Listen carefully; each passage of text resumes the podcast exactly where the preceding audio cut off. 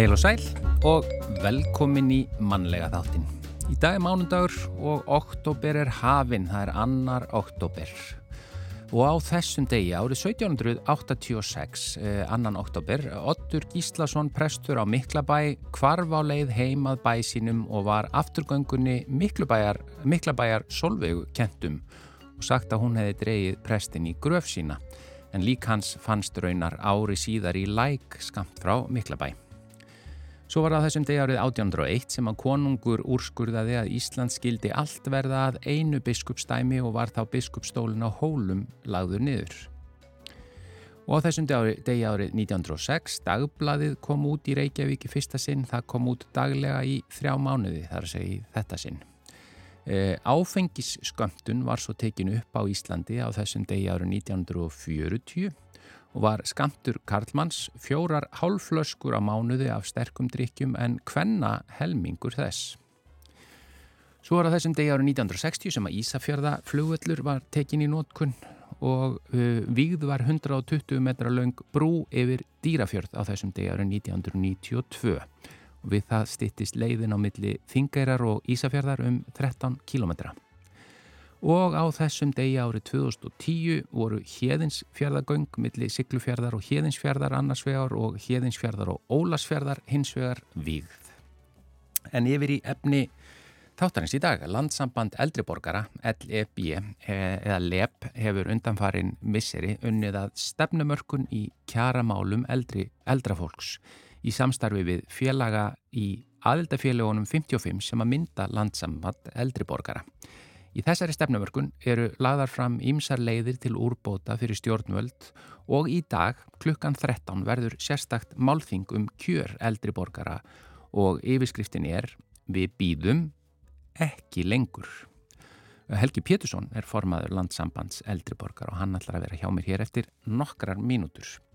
Svo fáum við vingil í dag frá Guðjóni Helga Ólafsinni eins og alla mánudaga og í þetta sinn ætlar hann að leggja vingilin að uppáheldu kaffi, espresso og göti sjálfur bregður fyrir í auka hlutverki. Og uh, lesandi vikunar er Kamila Einarstóttir, Ritthöfundur. Við fáum að vita hvaða bækur hún hefur verið að lesa undanfarið og uh, hvaða bækur og höfundar hafa haft mest áhrif á hana í gegnum tíðina. En það sem að Helgi Pétursson, formaður landsambands eldriborgara verður fyrsti gestur mannlega þáttars í dag þá nú vel við hæfi að spila lag með Río Tríó Eh, það sem að Helgi syngur og þetta er eh, Ég vil bara beat músík Ég vil bara hlusta á beat músík með brjálæðislegum takt. Og sveiflur. Ég spila bítla blötum heil mikinn haup og hlusta í andakt. Þó textin hans ég bla bla Gullfæl og algjörð gaga ég í stuð að hlusta á hann. Ég vil sjá þau hljómur sér í eftir syngja upp með elegans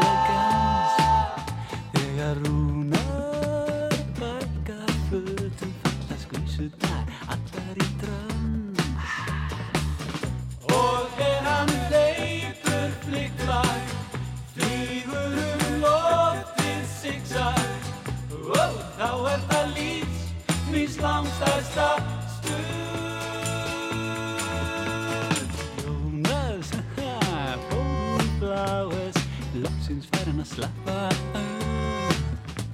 Ef stilt er allt á fullt Hann getur öskrað heilan fljóta í graf Og hvað heyrast hljóð úr barkar Eins himnesk og bjargar Það er hámark snildarlegs sög Ég vil, bara hlusta víðmusik og bílarnir dáleiða mig Þar kemst vor eins menning og hamingja sem hæst og fullkomnasta stíg. Að velta eins og Ligg ég í tónarúsi Og gæti knúsast á hver fyrir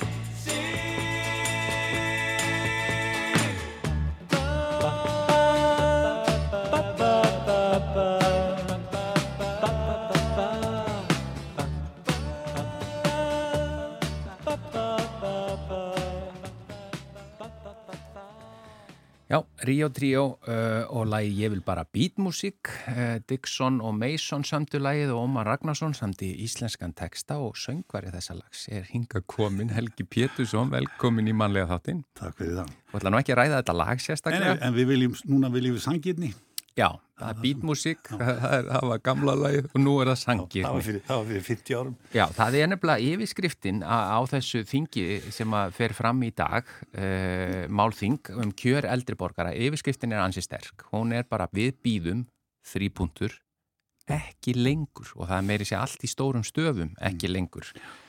Það er þólimæði er að þrótum Já, ég held að þetta sé sko, mannum, svíður það náttúrulega, fólki svíður það, þessi ósangirni og, og þetta ógagsæja kerfi og þetta margbætta uh, almannatryggingarkerfi sem að engin botnar uppnið niður í og það er sífælt verið að krukka eitthvað í þetta.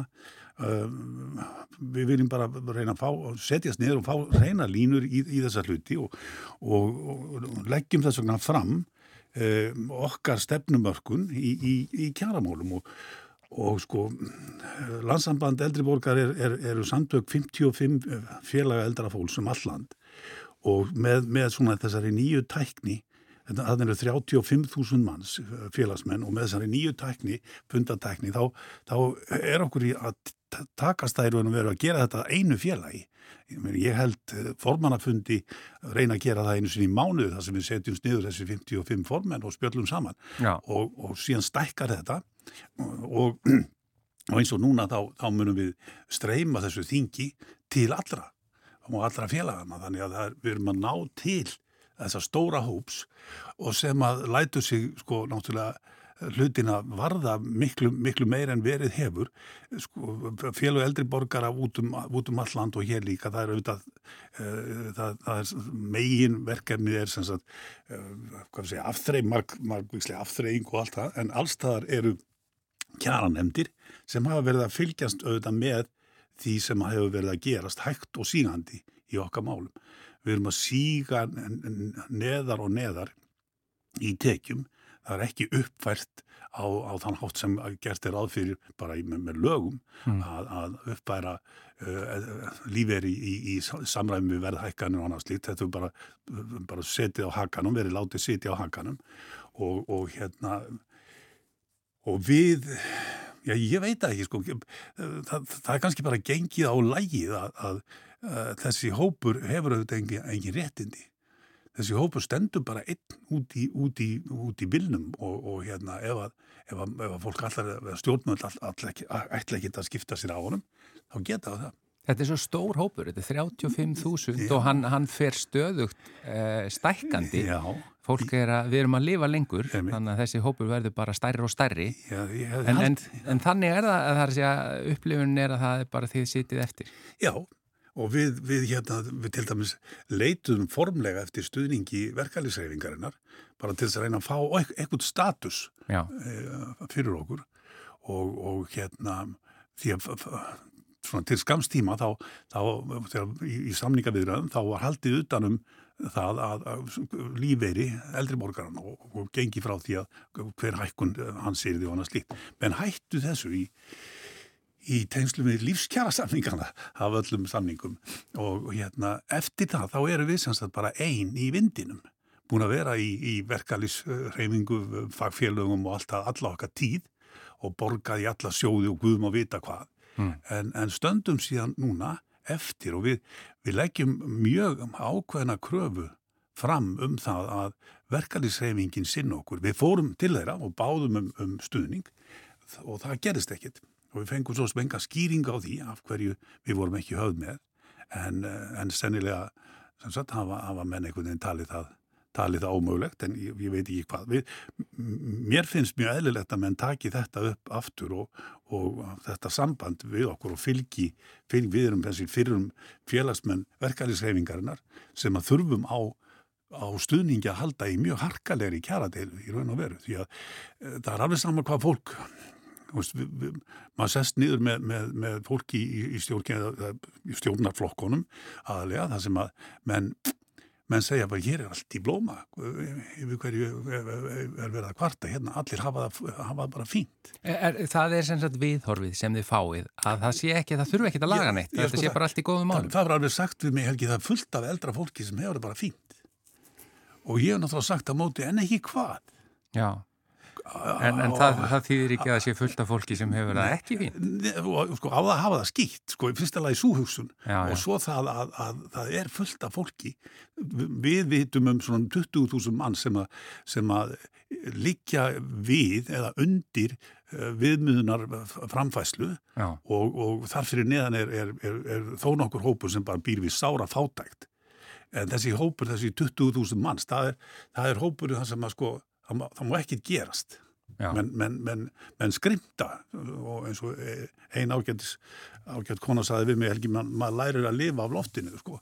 en, en þú veist, skrimta, það má ekki gerast bíli má ekki bila og það, þetta fólk getur ekki veitt sér neitt er, þetta fólk er ekki að fara til tenni og, og annað slíkt sko. þessi stóri hópur En sko, nú er þessi stefnumörkun og þetta, í, þetta skiptist, skiptist svona stefnan, eh, skiptist í þrjá megin flokka mm. sem þið eru að, að fara aðeins í gegnum þá.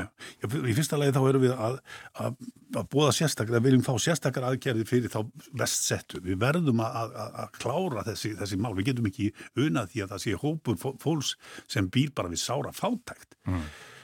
En eh, við erum náttúrulega, sko, ok, við erum að vinna í einhverju samfélagi sem finnst það bara í lægi eða, það er allavega er þannig að það er hundra manns á landsbítalan sem likur bara þar á göngunum og í geimslum og það saman. Það, það er bara farið þannig með það fólk. Mm. Og jújú, jú, það, það er verið að reyna að gera eitthvað, eitthvað úrbætur í því en það gengur náttúrulega afskaplega hægt.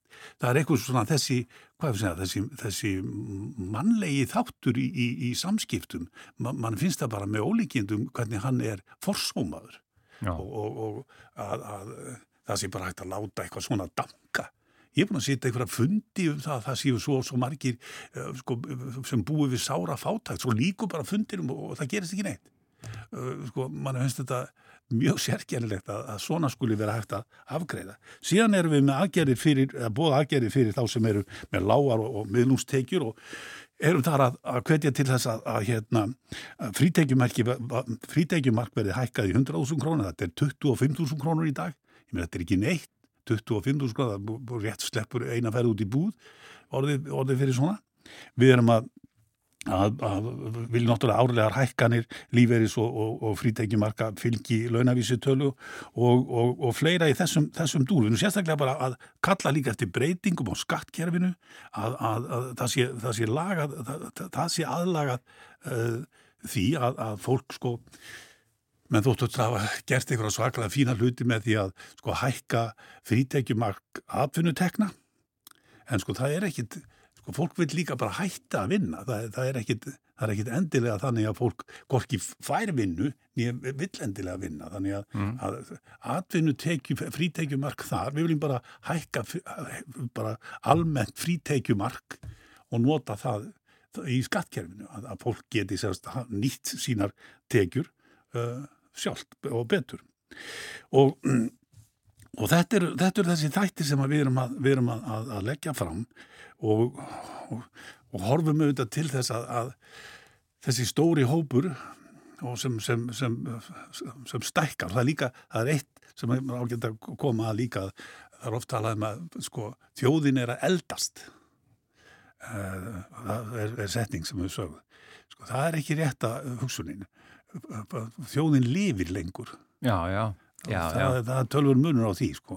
Og það er þessi, það, það er þessi eiginlega hópur sem að menn hafa einhvern veginn ekki fengist þess að setjast yfir, þessi stóri hópur sem bara lifir miklu lengur heldur við, ég er að lifa miklu lengur heldur ég bjóst við, ég ég ég er að vera 75 ára, ég myndi að ég er alveg steindauður Þú söngst hérna, ég vil bara býtmúsi að hérna, að ég átti ekki vona því að ég myndi lifa svona lengi, en það er þessi hópur sem menn þurfa bara að saminast um að setjast yfir.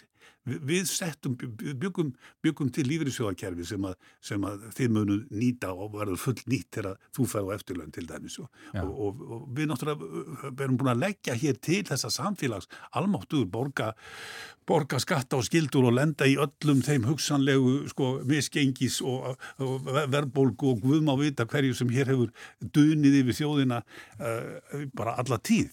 Þannig að það sem að, það sem að maður til dæmis ég, bara því ég get komið í að að maður bara horfið í forundran á það að það er nú að fara að teima yngri kynnslóðina í gegnum nákvæmlega þessi svipugöng eh, fjármas eh, eigendana sko, eina ferðina enn með, með, með hækkun vaksta og, og, og, og verðtrygging og öllu þessu, við erum búin að fara þessa leið sko og að allir þessi snillingar sem við eigum í Sælabanka og annar staðar að þeim detti ekkit annað í hug en þetta. Það bara lýsir því sko, hver, á hvað stíi umræðan er. Sko, hverjir eru þetta? Þetta er fólk sem að, sko, sem að hlýtur að geta sest niður og list vandan með einhverjum öðrum hætti en að veldónum svona svona grottalega yfir á, á, á, á yngri kynsluðuna núna í fullreindum aðferðum við að, að reyna að kveða niður verðbólgu.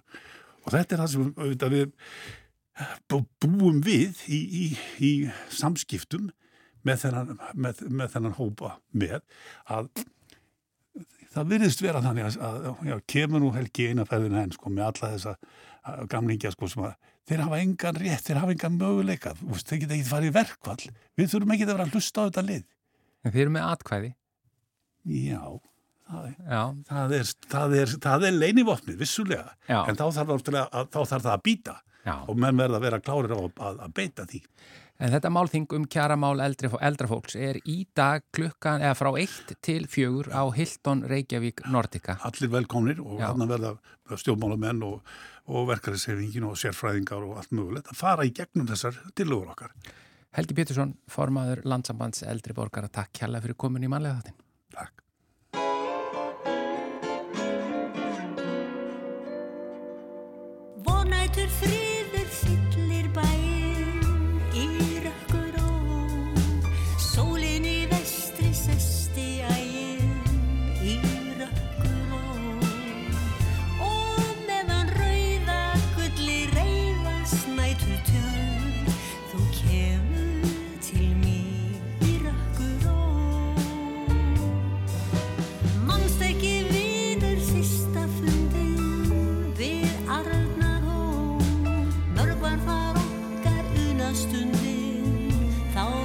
Söst var sól Við heyrðum svani hveða söngum ást og vor og sátum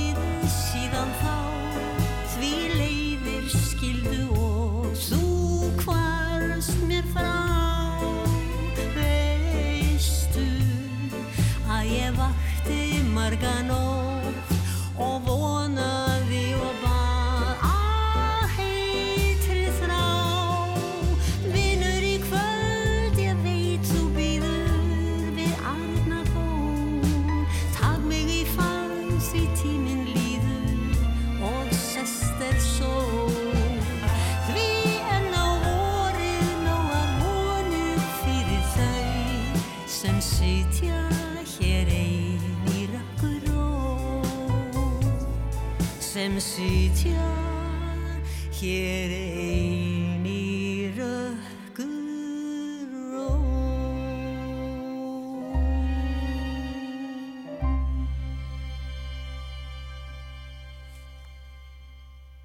Helena Eyjólfsdóttir söng þarna læð í rökkur ró. Þetta er Erlend lag og íslenskur teksti er eftir eh, Jón Sigursson en það er komið að vingli frá Guðjóni Helga Ólafsinni. Á getur hlustendur. Ég var að klára restin á kaffibóllanum áðan, hefði nú ekki mátt setni vera. Mér finnst ekkit varðið í kalt kaffi nema að það sé alveg sérstaklega gott og þá lítið rista og lítið súrt. Nú er komin oktober og uppskeru tími kaffibönan íbyrjaður í Kolumbíu, Eþjópíu, Kenia og vesturhluta Úganda, svo dæmi séu tekin. Það kaffi kemur ekki búðir alveg strax en í oktober kemur kaffi frá Indonésiu, Peru og austurhluta Úganda á markað. Þannig að ef okkur langar í það nýjasta sem er í búði akkurat núna, byggjum við um bolla þaðan næstir er förum á kaffihús. Að hella upp á kaffi er nokkuð sem flestir ef ekki bara allir Íslendingar vita hvað er en nú á dögum er fólk viða um heim sem kveikir ekki alveg strax þegar uppáhellingur kemstu tals. Margir drekka jú einungis kaffi úr þar til gerðum kaffi gerðar vélum, setja bollan á afgreðslu pall vélarinnar, velja sér drikk, þrýsta á napp og býða í nokkrar sekundur eftir því að bollin fyllist af rjúkandi kaffi. Margar af fyrrnemdum kaffigerðarvélum eru í raun sjálfvirkar upp á hellingarvélar og sumarjapel sjálfvirkar kaffiböina malandi upp á hellingarvélar ef við viljum vera nákvæm. Flestir láta nú bara döga að nefna tækin samheitinu kaffivélar. Til er fyrirbærið frostþurkað skyndikaffi sem á Íslandi er gærna nefnt eftir einni sérstakri tegundes, neskaffi og er búið til með því að setja ristaðar kaffibönir í sérstaka vél sem að murkar vastleysanlegu efnin úr þeim með afar háþrýstri gufu. Þau efni eru síðan sett í skilvindur sem nær mestu af vatninu úr gumsinu sem að lokum er frostþurkað og þá er það í, í grundu allar atriðum orðið að skyndikaffi. Vilji fólk drekka þann görátt og drikk er almennt sett einn teskeið af skyndikaffi dufti í fant og yfir það held sjóðandi vatni eftir smekk og síðan er vaninn að hræra í þessu með teskeið þángar til að efnin hafa samlagast og til er orðið kaffilíki. Neistla skyndikaffis er bísna algeng hjá nákvæmum okkar í Noregi og þar er siður hjá mörgum að brugga skyndikaffi upp á heilan hitabrúsa í einu og vilja þeir margir meina þannig bræðist að betur. Ég þekki ekki skalan sem mæðilir bræðgæði skyndikaffis ef hann er yfir höfu til en minni hlustendur á að skyndikaffi getur aldrei orðið uppáhellingur og þó að menn helli þessu í brúsa eða sulli einhverjum efnum saman við verður skyndikaffi aldrei annað en hækja og hjálpargagn þeirra sem langar í almennilegt kaffi en eiga ekki annað handbært sér til uppáhellings. Skyndikaffi er mögulega notað til að búa til prestakaffi. Sádrykkur er að mér skilst lagaður með einni teskeið af púðusykri, staupi af landa sem er held yfir og hrært í með teskeið en að lokum er bollin fylltur af sterku og heitu kaffi. Þið áttu ykkur vonandi á því að prestakaffi inni heldur þrennskonar eiturhlif, síkur, koffein og alkohól, þannig að ef ykkur langar að aka bíl, fljúa flugveil eða stjórna skipi verðið að láta þann guðrótt og drikk alveg eiga sig.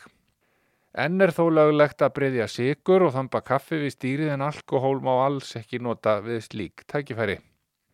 Talandum sigur og kaffi, ég man eftir kökukremi sem var gert úr flórsikri, kakódufti, sterku skyndikaffi og matarálegi maður rétt. Þessu var smurt á súkulaði köku sem köllu var hekla heima hjá mér með vísan til sköpulagskökurnar og, og samnefnds eldfjalls í Rangavallarsíslu. Syndsamlega gott með nýju upp á heldu kaffi eða glasi af ískaldri mjólk. Sennileg ekki holdt frekar en annað sambarilegt. Varandi meinta hotlustu að þá hefur reyndar lúmskan grunnum að hálslítast dós af orkudrykk og prótenstykki sem er nú millimálsfæða margra í dag sé reynd ekki hotlari. Nefna síður sé en bara annar síður og ekkert verði fyrir það. Kaffibönir koma úr ávexti runna af möðruætt sem kallast koffea og eru til um 120 afbreyði. Langsamlega algengust eru þó koffea arabica og koffea canifora sem ofti kalluð robusta. Arabika þykir hafa sætara bragðin robusta sem inni heldur vist meira af kaffíni. Enn er verið að uppgötva ný afbríði af kaffi eins og til dæmis koffi að Carreriana sem komst á spjöld sögunar árið 2008 og hefur þann galla sem sumir vilja reyndar nefna kosta inni halda alls ekkert koffínu og þarf þess vegna aldrei að bera henni mín hús. Koffínlaust kaffi er reyndar ekki ný hugmynd og sjálfur Jóhann Wolfgang von Goethe átti þar hlutað máli. Nú læti ég eins og allir þekki inn, út og inn en hann var skáld og fjölfræðingur. Samtið til dæmis Fást og orti kvæðið um álfakongin. Og nú skulum við staldra við á meðan kaffið kólnar. Ég sé að til eru hið minnsta þrjár þýðingar íslenskar á álfakonginum, hans Goethes. Og mér til gamans en öðrum mögulega til ama og leiðindar skulum við bera saman stílbröðin. Já, kvæði fjallar um föður sem rýður á milli bæja um nótt með són sinn ungan fyrir framann sig. Þeir lenda í bísna kröftugum draugagangi þegar álfakongurinn byrtist drengnum fyrir hugskottsjónum og vil lokka hann til sín yfir þá miklu móður sem skilur þeirra heima að. Við byrjum á Valdimar Brím, hann var fættur 1848. Fyrsta erindi þýðingar hans hljómar svo. Hver rýður svo ört yfir ísi og hjarn um aftaninn síðla, faðir með barn. Hann heldur drengnum í faðmi fast, því frost er mikið og veður kvast. Þannig eru Göti og Valdimar að kynna söguhetturnar fyrir okkur. Við skulum hlýða á fyrsta erindi úr þýðingu Stengirims Tortenssonar en sá var fættur 1831. Hver rýður þar síðla um svalnætur skeið með smá svein sinn faðir þar er einn á leið. Hann drengin í fanginu, vandlega ver og vefur í klæðum að hjartan á sér. Að síðustu skulum við hlýða á fyrstu línuna í þýðingu Yngvaldar Nikolássonar en hann fættist árið 1877. Við höfum fæðingar ár þeirra með svona til gamans til að bera saman. Hver rýður svo sent um svala slóð, í svip vindi nætur, faðir með jóð. Hann sveininum heldur með öflugum arm, svo ei honum kólni, sér við barm. Nú er kaffið orðið mátulega heitt og ef ykkur langar að lesa fyrir nefndar þýðingar upp til lagna og vita hvernig sagan endar, bendi á vefin tímarit.is og þar skuliði byggja um morgunbladið 19. janúar árið 1984 og flett upp á blaðsvíu 44. En aftur að koffínlausa kaffinu og göti því árið 1819 fekk hann vísindamannin Frídlíp Ferdinand Runge til að aðtuga hvers vegna hann átti alltaf erfitt með að sopna eftir að hafa drukkið kaffi. Dr. Runge tókst að bera kennsla á efni koffín og hundrað árum síðar tókstu vísindamönnum að fjarlæga það úr kaffidöfti, notuð til þess bensól meðal annars sem er nú alveg öruglega miklu meira eitur heldur en koffín nokkur tíman og er alls ekki notað til þess lengur. Í dag er koffínið gert vastleysanlegt meðan bönirnar eru enn grænar, þar að segja fyrir brennslu. Sennilega er algengar að tala um að kaffibönir séu ristaðar í dag. Reyndar en í mínu barsminni voru til kaffibrennsla Akureyrar og kaffibrennsla Ó Jónsson og Koper, svo dæmi séu tekin. Ég er möguleg í gamla tímanum hvað þetta varðar. Já, koffinið, það er þá orðið vastleysanlegt. Hægt að skóla því burt rista síðan bönirnar og, og hella upp á tilgangslöst og vond kaffi. Ég neyðist líklega til að taka það fram að smekkur þess sem hér talar endur speklar ekki endilega skoðanir þjóðurinnar. Fyrir þá sem hafa þörf fyrir að svala ykkur græjudellu er örglega hægt að finna alls konar áhugaverðar kaffivélar og uppáhellingargræjur. Hér á heimilinu er til dæmis espressovél, ákaflega gott verkfæri að mínu mati. Svonur minn er mjög tæknisinnar og segir að ég sé alltaf að ruggla í stillingunum. Ég kannast svo sem ekki við það, íti bara á alla takka og, og sný öllu sem hægt er að snúa. Þanga til að kaffi rennur í bollan, hann bjarga mig þá glípunni. Hér er líka til trekt til að setja á hitabrúsa, einfaldur búnaður og skilur alveg frábæru kaffi. Ég ger alltaf brot við samsetninguna á kaffisíunum, þvól ekki þegar límingin robnar og korkurinn fer sama með. Nú nú og þá set ég fimm mattskeðar af möluðu kaffi í trektina og helli sjóð heitu vatni yfir, en þeir sem eru lengra komnir í uppáhellingum vikta kaffið í síuna og, og hell ekki vatninu yfir fyrir það hefur náð fyrirfram ákveðinu hitastíi. Ég kann ekkert ásóleðis ritual. Ég er að klára þriðja bollan í dag, sennilega verða þær fimm, áður en sól nýgur til viðar. Og mér er alveg sama um alla heimsins rálögu dagskamta. Góð mér ekkert við.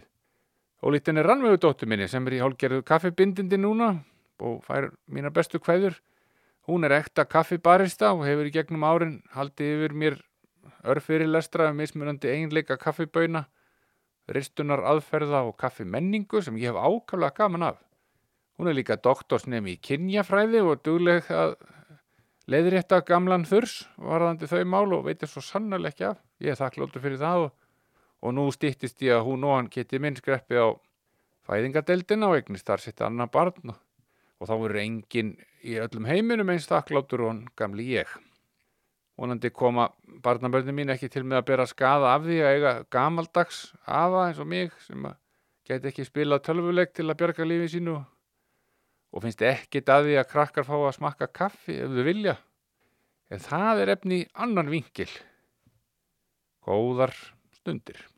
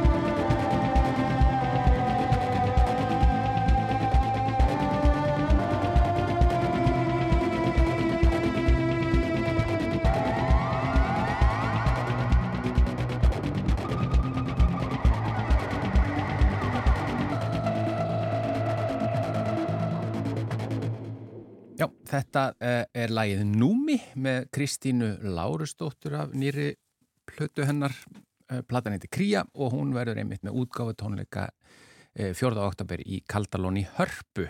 En það er komið að lesanda vikunar og hingað er komin Kamila Einarsdóttir Ríðtöfundur, velkomin í manlega þáttin.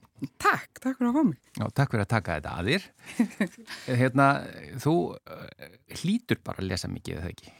Jú, og ég er líka að vinna á bókasafni, eins og mamma mín gerði og amma mín þar og undan og núna einn dóttir mín, við erum bara, já, kemst eða ekkert annað en bækur hjá okkur, Já. sem er rosa gaman. En það er hlýtur að vera geggja, þar, þá ertu bara algjörlega, þú ert svo nálagt uppsprettunni. Já, og það er líka svo gaman, ég er að vinna á háskóla bókasafni og þá er sko, það er ekki bara svona fagurfræðilega bækur, það eru ótrúlega mikið svona eitthvað um brúaverkfræði og eitthvað svona og ég er búin að vinna hana í tíu ári og bara hvernig eins og degi finn ég ykkur bók og ég hugsa bara hver með anskatum dætti huga að skrifa um þetta og það er bara kannski heil bókaflokkur við erum óslega mikið að bókum um hérna fristingu matvæla og, og bara, Þú ert semst ekki að lesa mikið um frýstingu matvala eða brúarverkfræði? sko, ég hef glukkast þetta mjög þetta Já. Uh, og ég með sínist til þess að fristingu matvæla þetta úreldir svolítið fljótt, kannski sem betur fyrr fræðin í því Já. En við eigum samt í rosalega fallið og svona leðri og gull, svona innbundið og, og mér finnst það líka svo gaman, sérstaklega líka þegar ég er að skrifa bækur, ég er ofta að hugsa bara eitthvað, æ, þú veist, ég held að allir sem búi eitthvað til hugsa sem bara, þetta er að ömulasta sem hefur búið til. Þetta er minnspennu sem nokkur hefur dótt í hug. Svo bara sér maður eitthvað svona og hugsa, já, ok, það var það var alltaf að gefa kannski mínu líka.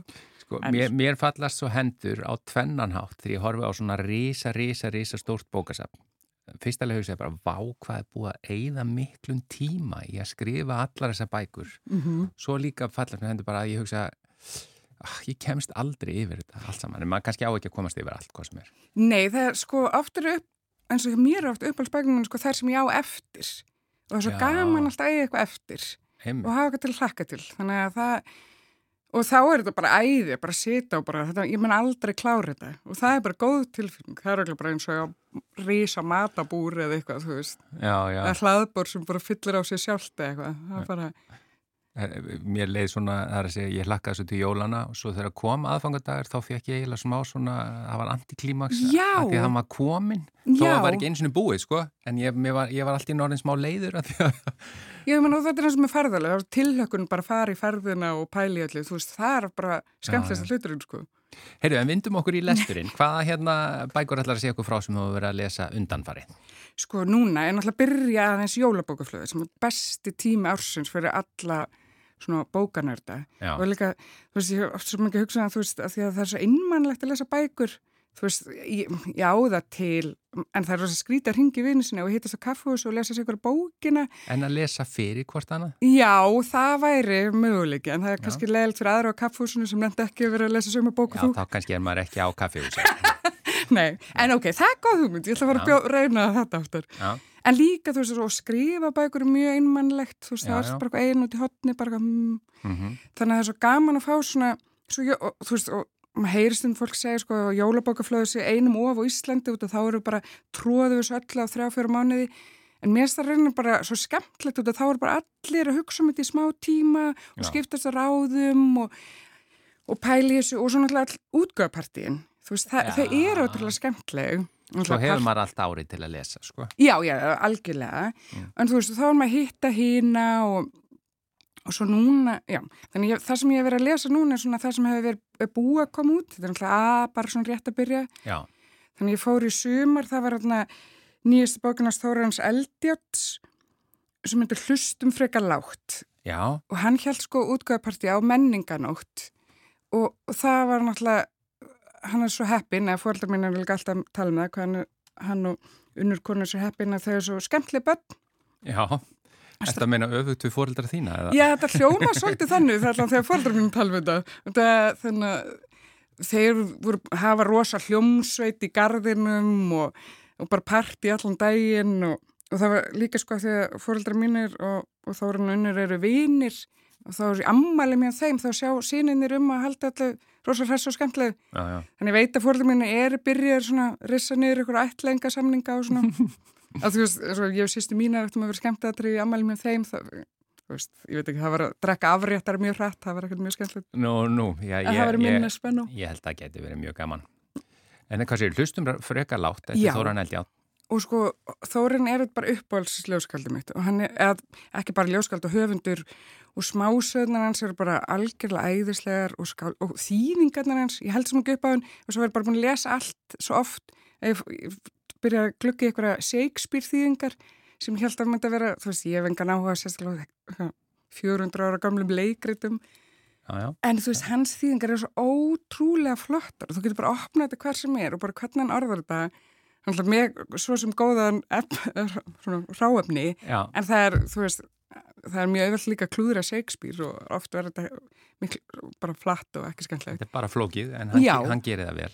En hann bara, þú veist, og það er svona línur þú sem ég alltaf hugsa um úr Hamlet og svona það er svona þar sem að gullinstjarni og, og Rósenkrans að tala með þessi ekki beinlega stúskar í húfu hamingunar veist, þetta er eitthvað svo sterk mynd og flott. Já. og þannig mynd líðum þú stundum að það, maður getur alveg liðið vel þá maður sé ekki andla dúskur í húfu hamingunar Þú tengir við þetta. Já, Já, og já, þannig að er ótrúlega gaman og ég kefti mér bókinu og ég er búin að lesa hana og ég er bara mæl með því náttúrulega allir gera það. já, Svo er búið að vera eitt annað útgáðparti sem er búin að ná í, það er Sverri Norrland. Já, og hann er náttúrulega líka svona, þú veist, hann var náttúrulega bara sjálfur með tónlistaratri og fjaka með dóttur sinna, þetta er allt menn með uh, skemmtileg börn og, hérna, og það var ótrúlega gaman. Og það var lofthostel og þessi bókinas kletturinn, ég er ekki búin með hana, ég er að lesa núna.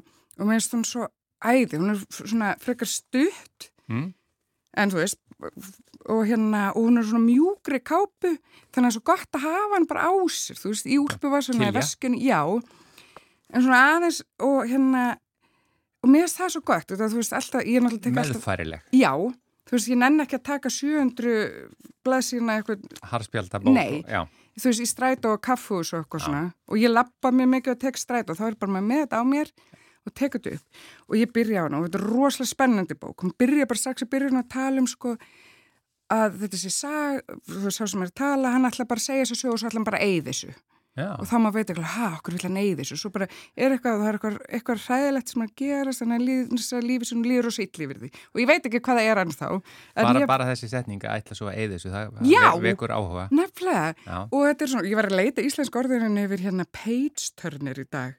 Og ykkur bendum er síðuflettir sem er mjög miklu betra orðan allavega en hérna hvað blaðsíðu snúningur já. sem internetu sagði mér að nota En, en page turner er það ekki það að eitthvað sé svo spennandi þú verður að fletta næstu? Jú, Já, en sko þess- blaðsíðu flettir hljóma miklu meira eins og eitthvað tæki sem hjálpar þér að já, fletta. ég held að það er síðuflettir Já, eða en já, þetta er ekki alveg nógu sko. spennuflettir, ok, kannski eitthvað svo leys. Já, já, já. en þessi, við- mér er svona allavega ennþá hún er þannig, þú veist, ég er bara ég var að lesa hann leiðin hinga og ég var bara uh, þú veist, ég er núna spennt þú veist, mér er mjög gaman að vera með þér en ég er svo spennt að fara fram og klára bara. Já, já, allt til að ég skilja ég sleppi þið bráðum út Já, uh, þetta er kletturinn eftir Nordal, Norland, uh, greinilega spennandi.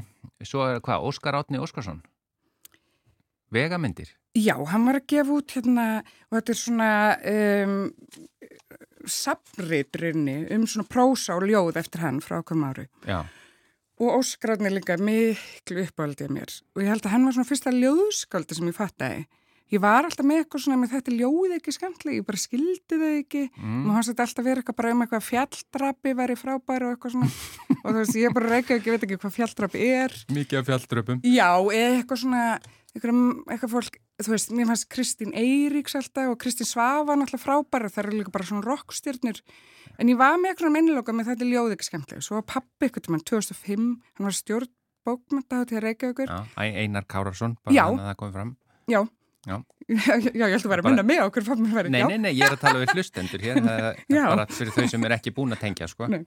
En hérna, og hann var að segja bara, já, verður hendilega að kíkja með mér í kvöld, það er svo skemmtilegt ljóðskáld að lesa sem þér myndi finna skemmtilegt og ég var eitthvað svona, þú veist, náttúrulega, ef ef maður er ungur og með fóreldra sinni er ekki drossalega töff. Nei, nei, En svo fer ég þarna og sýt mig eitthvað hálgjörð bara svona krosslega hendur og eitthvað, "Ugh, hvað kall allan að dúka upp mig núna og svo var ég bara algjörlega heilluð, hann var að lesa ljóðin sín. Og þau eru svo skemmtileg það var Óskar Átni Já, Já, og þess vegna síðan hef ég bara alveg og þess vegna sko, það var ekkert það er allan ekki búið vera, svo ég veit útgáðparti fyrir þessa bók, en ég bara keft pantaði mér hana bara þegar ég vissi að hún væri að fara að koma út. Já, já, já. En þetta er sappljóða. Já, og svona prósar. Já. og, þetta, og hann er bara hann er að lýsa svo eftir eitthvað svona hversdagslegu og fallegu og bara eitthvað svona út að eða eitthvað. Og þetta er svona eina þessi bók sem læt mann finnast eins og maður hugsi bara um hlutun öðris eftir að við lesa það. Það er nú bara galdurinn oft við ljóð að það eru um, einhvað sem við öllu um upplifað en næra algjörlega kjarnaða í einni setningu eða einu orði stundum er. Já, og það er svo skemmtlegt og þess vegna, þú veist, Óskar átni alla bækundana hans, við heldum flestir kannast við, þú veist, eins og myndaljóðin hans. Já. Og það hann hefur gert það svo flott sem er svo gert að rítvel og þetta er rauninu bara einhver svigar og stafur og eitthvað og þetta er ótrúlega fyndin, oft bara einhver einsetning og þetta, er- þetta er svo flott og það er líka svo gaman aftur að sína krökkum þetta. Þau- bara sína um hvað ljóð getur verið alls konar og þau bara verða alveg heillið og þá er þetta svo að leiða þau lengra þannig að ég, Já. já. Vegamyndir eftir Óskar Átna en svo Dauðaslóðin, hvaða bók er það?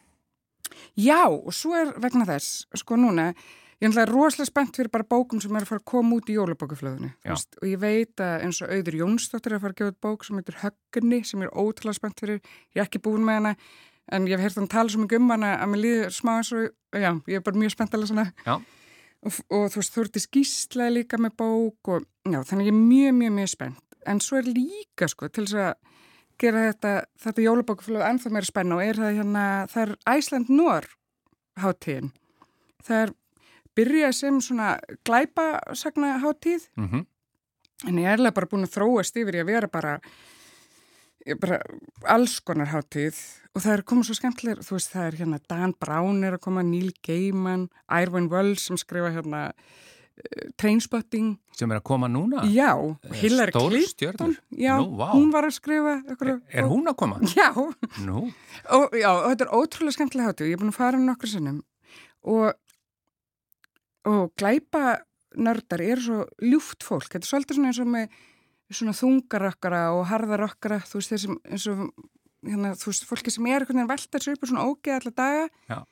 það er einhvern veginn hreinsar þetta bara út og er svo óslega næs og ljúft og indislegt mann, þú veist, þegar maður bara tala við þau við vorum bara ræða þetta hérna áður en við fórum í loftið. Já. Það er bara svo leiðis. og ég fatt ekki tengingun fyrir allir bara, já þess vegna eru þau svona næs Já, og þú veist, eitthvað fólk sem er bara búið að vera þrjár vikur að rannsaka hvernig maður getur komið 70 kíló manni í skotti á Nissan eða eitthvað, Já. ok, það verður mjög léttum maður, en þú veist, er ógislegt á pæliði, eða hvernig ykkur rotnar Já, inn í bílskur. en ég meina það er ekkit ofta eitthvað fallegt skrifað í, í, í glæpasugur, sko. þannig að maður hefði haldið þau væri bara frekar myrk og ansteglega, Þau fá bara kannski útrás fyrir þessa hluti þarna. Þetta er svona einhver, einhver eh, hreinsun, sko. þannig ég, þannig ég ætla að fara að lesa glæpasögur meira svo ég verði kannski jafn næs að þau Já. og núna, og Sara Blætil hérna, sem er dönsk Já. glæpasagna drottning hún ætlar að koma hérna. Og ég, veit, ég sé svo oft mömmu lesa þetta, hún bara lesa alla bækur eftir hana. Já, og mamma lesa allt og mjög góðum smakka bókum þannig ég bara, já, ég ætla að lesa þetta allt. Og það, af því það er líka svo oft gaman þegar ég er svona hátir það er svo gaman að vera búin að lesa þetta áður en fólki kemur. Já, já, já. eins og ef maður fyrir á tónleika að vera búin Já. að hlusta svolítið á einhverja plöður. en þú veist, það er alltaf öllum svona hátíðum sem ég fer, það er samt alltaf eitthvað sem ég hef aldrei eftir máður sem alveg heilla mig. Mm en svo er líka, já, Sara Blædel, Dauðaslóðin, heyrðu, en bara í lokina því að við erum alveg að renna út á tíma eh, þú ferð, ef þú ferð alveg bara eins langt aftur í tíman og þú vilt hvaða svona bækur og eða höfundar koma upp sem hafa svona haft mest áhrif á því gegn tíðina Sko ég held eins og mjög margir og þú eru ekki hýrt eftir, það er þetta, þú veist, bara eitthvað sem nær mann alveg í bernsku og þá er það eins og Gunnila Bergström, eina áskelsbækurnar. Ég les þetta bara ennþá. Þú veist, að eina áskell bara, ok, ef þú ert einmann ímyndaði bara eitthvað og hann getur bara verið skemmtilegur hjálpaður meðan þarf það vorum halda. já, já, Og svo er, þú veist, línu lang, þú veist, allt eftir Astrid Lindgren.